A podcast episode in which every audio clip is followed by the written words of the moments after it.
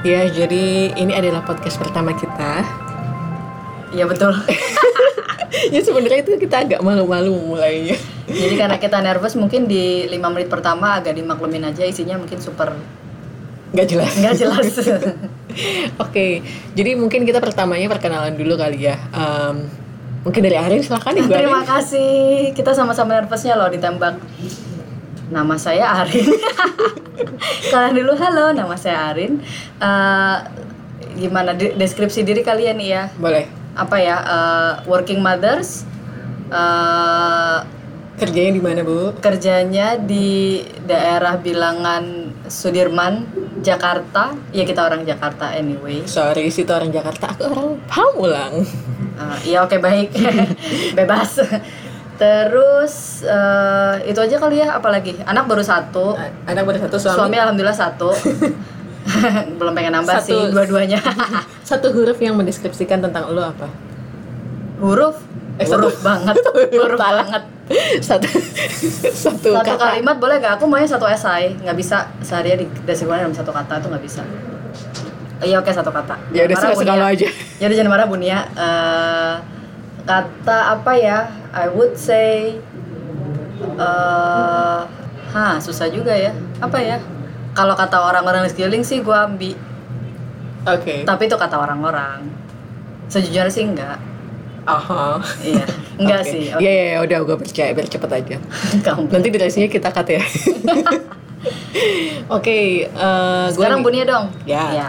Saya Nia, nama saya Nia. Punya sama baru punya anak satu, suami juga baru satu. Kebetulan kita kerja di company yang sama. Hahaha, ternyata ini cuman pindah tempat julid, guys. Jujur. Iya. Kalau ditanyain satu huruf, eh, satu huruf, satu huruf Satu tentang diri ini, kata, satu iya. huruf enggak tentang tentang tentang aku, I. Satu kata. Apa kata yang paling bagus mendeskripsikan Nia adalah Nia adalah itu juga susah sih. Em, Makanya mungkin kita perlu bikin satu episode buat bikin di self description. Do you think so? Enggak kan? eh, anaknya pemalu. Oke, oke. Udah percaya aja. Iya, oke. percaya. Jadi sebenarnya ini uh, podcast pertama kita dan tujuan kita bikin podcast tuh nggak lain dan nggak bukan adalah untuk uh, menampung kebacotan kita yang hakiki daripada jadi kita berdua itu sering makan siang bareng bersama teman-teman yang lainnya dan of course kita sering julid bersama. Julid bersama atau mungkin bahasa kerennya kita suka sharing information. Biar uh, julidnya agak faedah gitu guys. Jadi jadi nah dengan dengan dengan dengan keseringan kebacotan kita yang hakiki itu ya kita mikir kenapa nggak kita bikin podcast aja? Siapa tahu audiensnya banyak ya kan yang mau mendengarkan julitan kita. Who knows? Iya iya iya. Ya terakhir kali soalnya kita juga ngomongin tentang rumah Arin yang mau pindah. Jadi lu rumahnya di mana nih Rin? gue sekarang ada di daerah Jakarta Selatan Mepet Timur dan berencana mau pindah ke selatan-selatan banget. Nah. anak selatan yang gaul abis mau jadi anak jaksel yang katanya gaul doakan saya. Saya kurang gaul anaknya. Nah tapi ketika gue pindah itu gue menyadari ya gila gue cuman mau pindahan tuh kayak hmm, berapa kilometer ya? Mungkin cuma 15 kilometer I think. Atau 20 deh maksimal. Tapi kok ribet banget gitu. Ribetnya tuh apa? ribetnya tuh dari kayak kenapa mesti pindah? Itu pasti gue pikirin. Terus kayak misalnya pindahnya ke mana? Terus ketika gue pindah apa aja sih yang mesti gue eh, harus diubah tentunya pasti banyak pola hidup gue yang harus diubah kayak misalnya jalan gue kantor jadinya harus gimana alalalalala mbak lalala sekolah anak lalala kayak gitu deh jadi when it comes to pindah 20 km tuh gue merasa it's not a simple thing gitu Nah, apalagi kita dengar-dengar tuh ada berita dari ujung sana yang katanya ibu kota kita mau pindah. Jeng jeng. Oh, bener juga. Gila ya itu repot banget loh, asli. Ya nggak sih ini? Menurut gue sih repot banget. Ya, lu pindahan 15 kilo aja repot. Sebenarnya kalau gue tuh udah sering banget sih. Pindahan itu bukan hal yang baru buat gue. Karena gue dulu anak kosan. Kayak dua tahun sekali gue pindah. Wah dia nomaden guys Homo sapien gue untungnya sekarang udah eh, jadi nggak nomad lagi. Gue ada di Pamulang. hmm. Jadi kalau kita ngomongin si ibu kota pindah ini ya sebenarnya tuh kalau kita bicara mengenai Indonesia nih ya, kalau kita baca-baca nih sebenarnya kita juga ibu kota kita tuh, udah pindah bahkan empat kali ternyata. Ibu kota kita. Iya, itu Baru pernah. Nah, nih dari Jakarta pernah ke Jogja tahun 46 ya jebot sih. Kemudian pada saat itu dipindah lagi ke Bukit Tinggi. Lalu kemudian dipindah ke Aceh. Nah, waktu itu sih alasannya karena safety. Karena mungkin waktu itu kan itu kan zaman-zaman habis kemerdekaan ya, Mm-mm. mungkin masalah kestabilan apa namanya keamanannya itu belum terjaga sehingga mungkin butuh dipindah-pindah for safety reason. I think so gitu. Gue baru tahu, kirain gue itu cuma Jogja doang loh. Ternyata Bukit Tinggi sama Aceh itu Iya. juga Oh, pernah jadi ibu oh, kota Iya, Indonesia. iya Luar betul. biasa. Betul. Nah, itu dia. Nah, jadi jadi kalau kalau gua kar- karena karena gua baca gitu ya, gua jadi mikir gitu sekarang urgensinya apa ya? Sekarang pemerintahan kita itu mau dipindah. Emang emang kenapa? Kok lu mikirin kayak gitu? Emang lu nggak setuju kalau misalnya ibu kota Indonesia pindah? Gua sih ya setuju nggak setuju, tapi yang uh, ini habit gua sih, gua akan berusaha men-challenge mencari apa Arin yang penuh dengan Penuh dengan apa? Perhitungan. ya betul lah semuanya harus dihitung gila lu. Yang Oh, penting iya. harus cuan. Nah, apa namanya? Tuh kan lu motong gua gua jadi bingung. Eh, iya jadi gue selalu me- me- me- mencari kira-kira tuh apa ya consnya dulu nih gitu. Kira-kira impact negatifnya apa nih kalau ibu kota kita pindah again kembali kembali ke yang kalimat pertama gua tadi gue sih belum menemukan sense of urgency-nya gitu kalau Bunia gimana Ya kalau gue sih setuju-setuju aja ya. Soalnya kan emang gue denger-denger banyak hal. Banyak hal yang emang bikin ibu kota kita tuh harus pindah. Jadi Jakarta tuh kayak udah kelamaan aja jadi ibu kota kita Dan menurut gue pembangunannya emang berjalan dengan lambat Tidak sesuai dengan pertumbuhan laju mobil, jalanannya. Jadi kayak banyak hal yang bikin Jakarta tuh jadi kota yang sakit.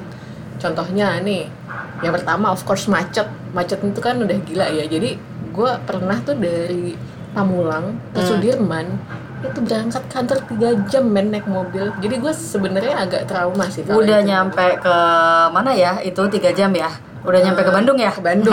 Nah makanya itu kan capek banget. Yang kedua ada banjir ya lo tau lah banjir genangan ya sama aja. Gue nggak menuduh siapa-siapa siapa pun gubernurnya juga ada banjirnya.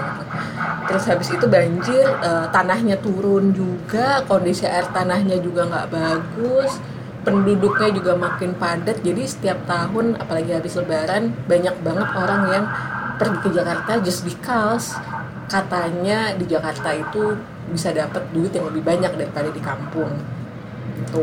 artinya kalau Jakartanya itu sakit pemerintahannya tidak akan berjalan dengan optimal. Gitu maksud ya lo. bisa jadi gitu. Sehingga Karena- dipindah aja gitu. Iya karena kan kalau misalnya lo baca-baca lah di koran mana gitu kerugian akibat macet itu kan juga udah iya triliunan iya rupiah gitu iya. kan. tapi kalau ngomong masalah akibat karena macet ya itu sebenarnya juga eh, faktor apa eh, impact bisnisnya mungkin lebih gede daripada impact pemerintahannya ya tapi kalau pemerintah juga ya gue nggak ngerti juga sih gue tahu pemerintah itu tidak berjalan seperti perusahaan swasta cuma pasti ada ada eh, impact negatifnya iya gitu. iya iya sih ya iya, misalnya iya. eh, proyek ini bisa berjalan lebih cepat kalau misalnya nggak macet eh ternyata nggak secepat itu Oke, em, benar benar benar sih. Ya gue sih di Jakarta hidup baru 10 tahun ya. Saya juga termasuk pendatang-pendatang yang membuat Jakarta sumpah je- sejujurnya. Em, jadi kalau dibilang Jakarta itu sakit dengan segala problematikanya sih I would agree. Tapi sebenarnya gue balik lagi nih ke ke ke, ke, ke statement gue pertama nih. Urgensinya apa? Kalau kita lihat tuh dia akan si pe- pemindahan ini nih itu butuh dana sekitar 466 triliun. Anjay, banyak banget cuy itu. Sumpah. Nah, gue gak kebayang sih segitu tuh. Nah. kalau dikomparin seberapa gede lo eh, ya itu kan gede banget biaya itu. Eh, mereka punya pemerintah punya dua plan, ada yang 466 triliun lah, ada yang 323 triliun dan jumlah jiwa yang pindah itu cuma sekitar 1,5 juta jiwa atau 800 juta jiwa. Jakarta tuh berapa? nggak tahu 10 jutaan. Berarti cuma sekitar 10% yang pindah. 10% signifikan loh Iya, tapi kita juga tidak tahu itu kan 10 juta perseba eh 10% persebarannya di mana. maksudnya Nah, maksudnya ada yang rumahnya di Tangerang Bogor Bekasi Iya, gitu. Iya, sebenarnya siapa tahu ternyata 10% ini rumahnya bukan di Jakarta Jakarta.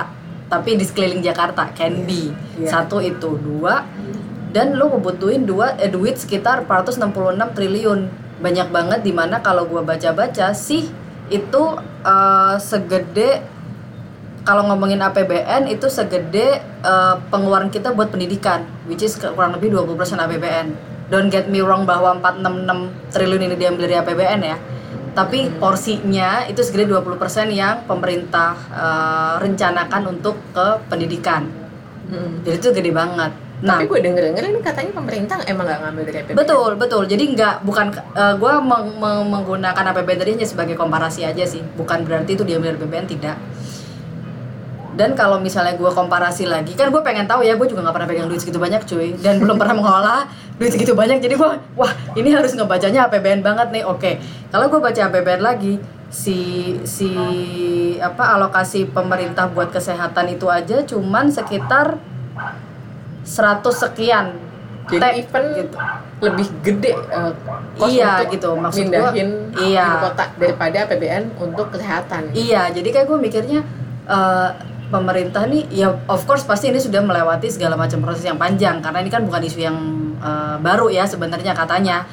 Tapi kalau kita rank skala prioritas, kalau kita punya duit 466, apakah lebih baik digunakan buat pindahan atau ngebenerin atau mengembangkan yang lain yang masih bisa dibenerin dulu yang lebih urgent itu sih sebenarnya. Hmm, hmm. Tapi mungkin pemerintah juga punya em, pemikiran kayak gini. Kalau misalnya nanti nih gue udah mindahin ibu kota ke kota X gitu ya. Hmm.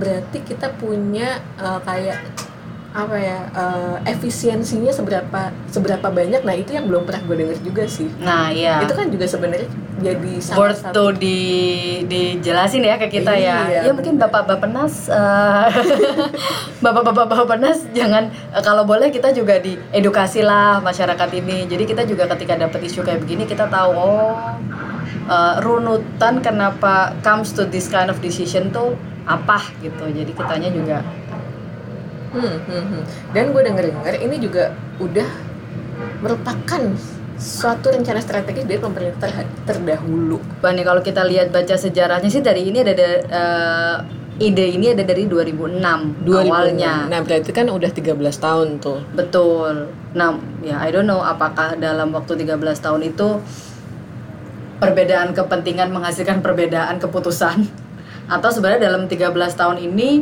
sebenarnya terus dikaji tapi akhirnya baru mantep nih pacaran aja siapa tahu orang butuh 15 tahun ya.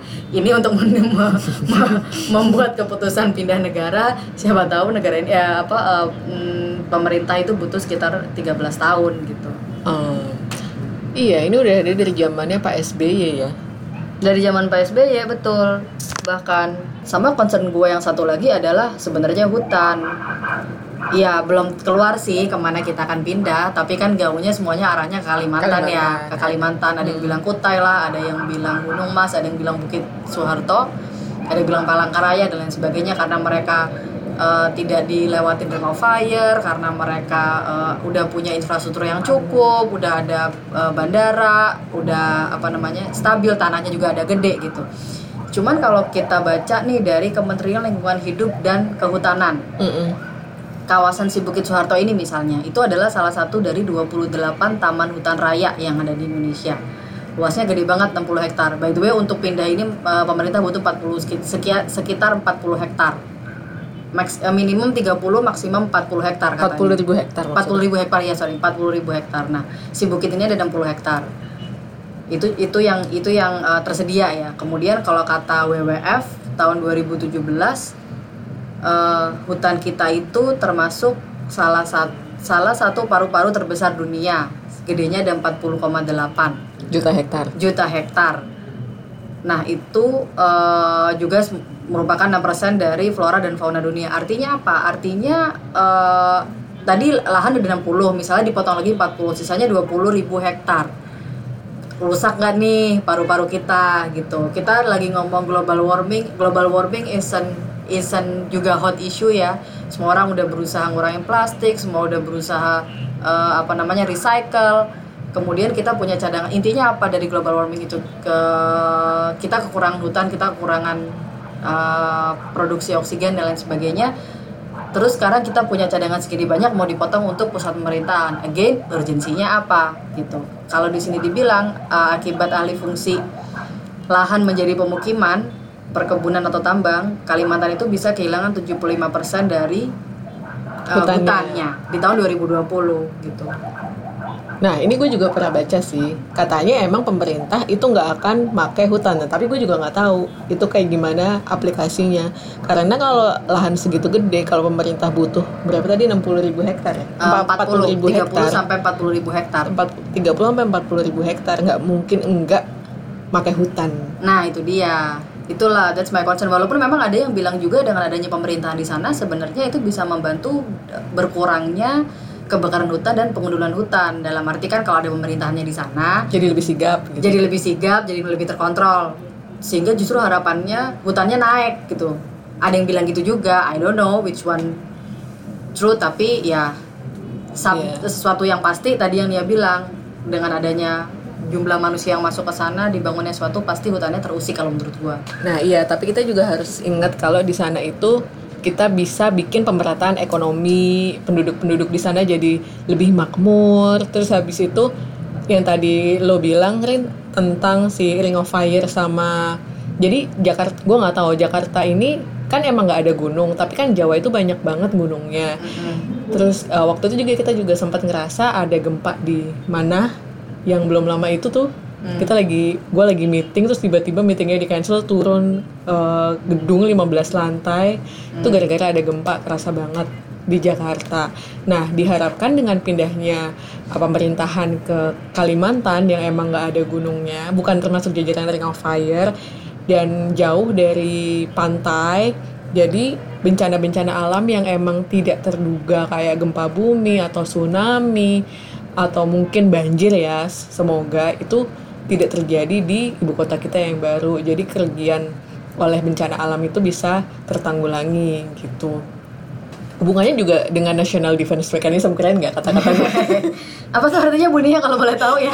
Nasional itu national defense itu eh, Pertahanan. pertahanan. Mekanisme itu mekanisme. Udah itu aja yang saya tahu. Iya sih. Ya gue sih juga ngebaca tadi bahwa eh, menurut bapak presiden sebenarnya pemindahan eh, ibu kota ini untuk menyiapkan Indonesia yang katanya akan menjadi negara keempat terku negara dengan ekonomi ke- terempat ke terkuat di Keempat. tahun 2030 Ya make sense sih. Soalnya kan kita juga penduduk, jumlah penduduk kita juga paling banyak. betul Keempat ah. di seluruh ya, dunia, ya, gitu. katanya sih gitu katanya ini untuk menyiapkan itu tuh gitu makanya kita mesti pindah well I don't see the link in a direct way sih kalau boleh Nah itu karena Iya. kita nggak ngelihat eh, secara eh, apa namanya eh, kita tidak diinformasikan mungkin ya angkanya gitu ya. Iya. Kita tidak kita tidak Ya, siapa diinformasikan kita ya siapa kita tapi eh, oh hello kita yang bayar itu pajak-pajak bayar nggak ya gua bayar sih dipotong cuy dari NPWP terus Iya, maksudnya kita tuh nggak ngeliat angkanya, efisiensinya begini segini loh kalau misalnya kita udah pindah ke kota X yang baru cuy ini. mungkin ini karena kita data driven aja kerjaannya tiap hari ya jadi kita butuh angka banget ya Iya, bisa jadi. Soalnya kan ya katanya kan pemerintah zaman now itu eh, big data semuanya beras ber Iya. di, di apa namanya? Di calculate di calculate di ya itulah. Gue mau ngomong Iya. lupa. Lupa vocabnya sus. oke Nah, gue juga berharap dengan nanti pindah em, Jakarta tuh jadi lebih lebih ramah gitu terhadap semua orang yang ada di sini. Lebih lengang. 10% lebih ramah ya kalau kita ngomongin hitungan. Ya, lumayan lah 10% Jakarta jadi lem- lebih lengang, polusi juga harusnya berkurang, apalagi sekarang udah ada angkutan umum yang lebih memadai kayak MRT atau LRT, terus lebih ramah anak, gitu sih sebenarnya. Itu harapan saya. Jadi berkurang berkurang eh bertambah kenyamanan 10%, tapi lu ada mikir nggak kalau bisa juga bertambah kerempongan 10%. Apa tuh? Nah, gue juga nggak tahu sih sebenarnya. Tapi gue mikir aja, gue nggak tahu sih sebenarnya jujur eh, yang dipindah nih apa yang dipindah kan kementerian-kementerian gitu ya kayaknya. eh, Ya, administratif dan lain sebagainya akan me, me- me- Istana Presiden yang jelas itu. Iya iya itu Eh, akan membuat kita yang di Jakarta jadi repot nggak sih kalau ngurusin any kind of persuratan atau apa pun? Gue cuman kayak Ya nggak tahu ya, kalau gue pikir kayak zaman now itu sekarang udah lebih elektronik gitu segala sesuatu um, KTP elektronik ya anyway itu itu cuman itu cuman yang ada ke eh, kerecehan yang ada di kepala gue adalah ntar ngurus-ngurus apa apa repot nggak ya kalau pusat pemerintahannya harusnya di Kalimantan gitu misalnya. Iya iya iya. Itu Ngerti sih. ngerti sih sebenarnya. Itu itu, aja. itu itu juga yang salah satu yang ditakutkan oleh yang penting. Itu dia lah. Kalau kita mesti ngurus paspor anak aja weh mau pergi mana sehari ya? Ngurus paspor. Ya kalau kita mau butuh segala macam eh, administratif negara lah. Apakah kita sampai butuh ke eh, mana Kalimantan, Ah, ah. jauh juga. Jauh juga gitu. Itu sih sebenarnya. Hmm, oke. Jadi kalau menurut gue emang pemerintah tuh harus lebih mengkomunikasikan nih ke masyarakatnya sebenarnya sense of urgency-nya itu apa gitu. Ah. Kayak misalnya tadi yang dibilang sama Bapak Presiden untuk menyiapkan Indonesia 2030 menjadi negara terkuat keempat di seluruh dunia itu direct koneksinya apa? Terus cost of eh, cost yang dihemat apa? Efektif efektifnessnya itu seberapa banyak kalau misalnya diduitin. Ya nggak nggak nggak nggak semua hal bisa diduitin saya ngerti.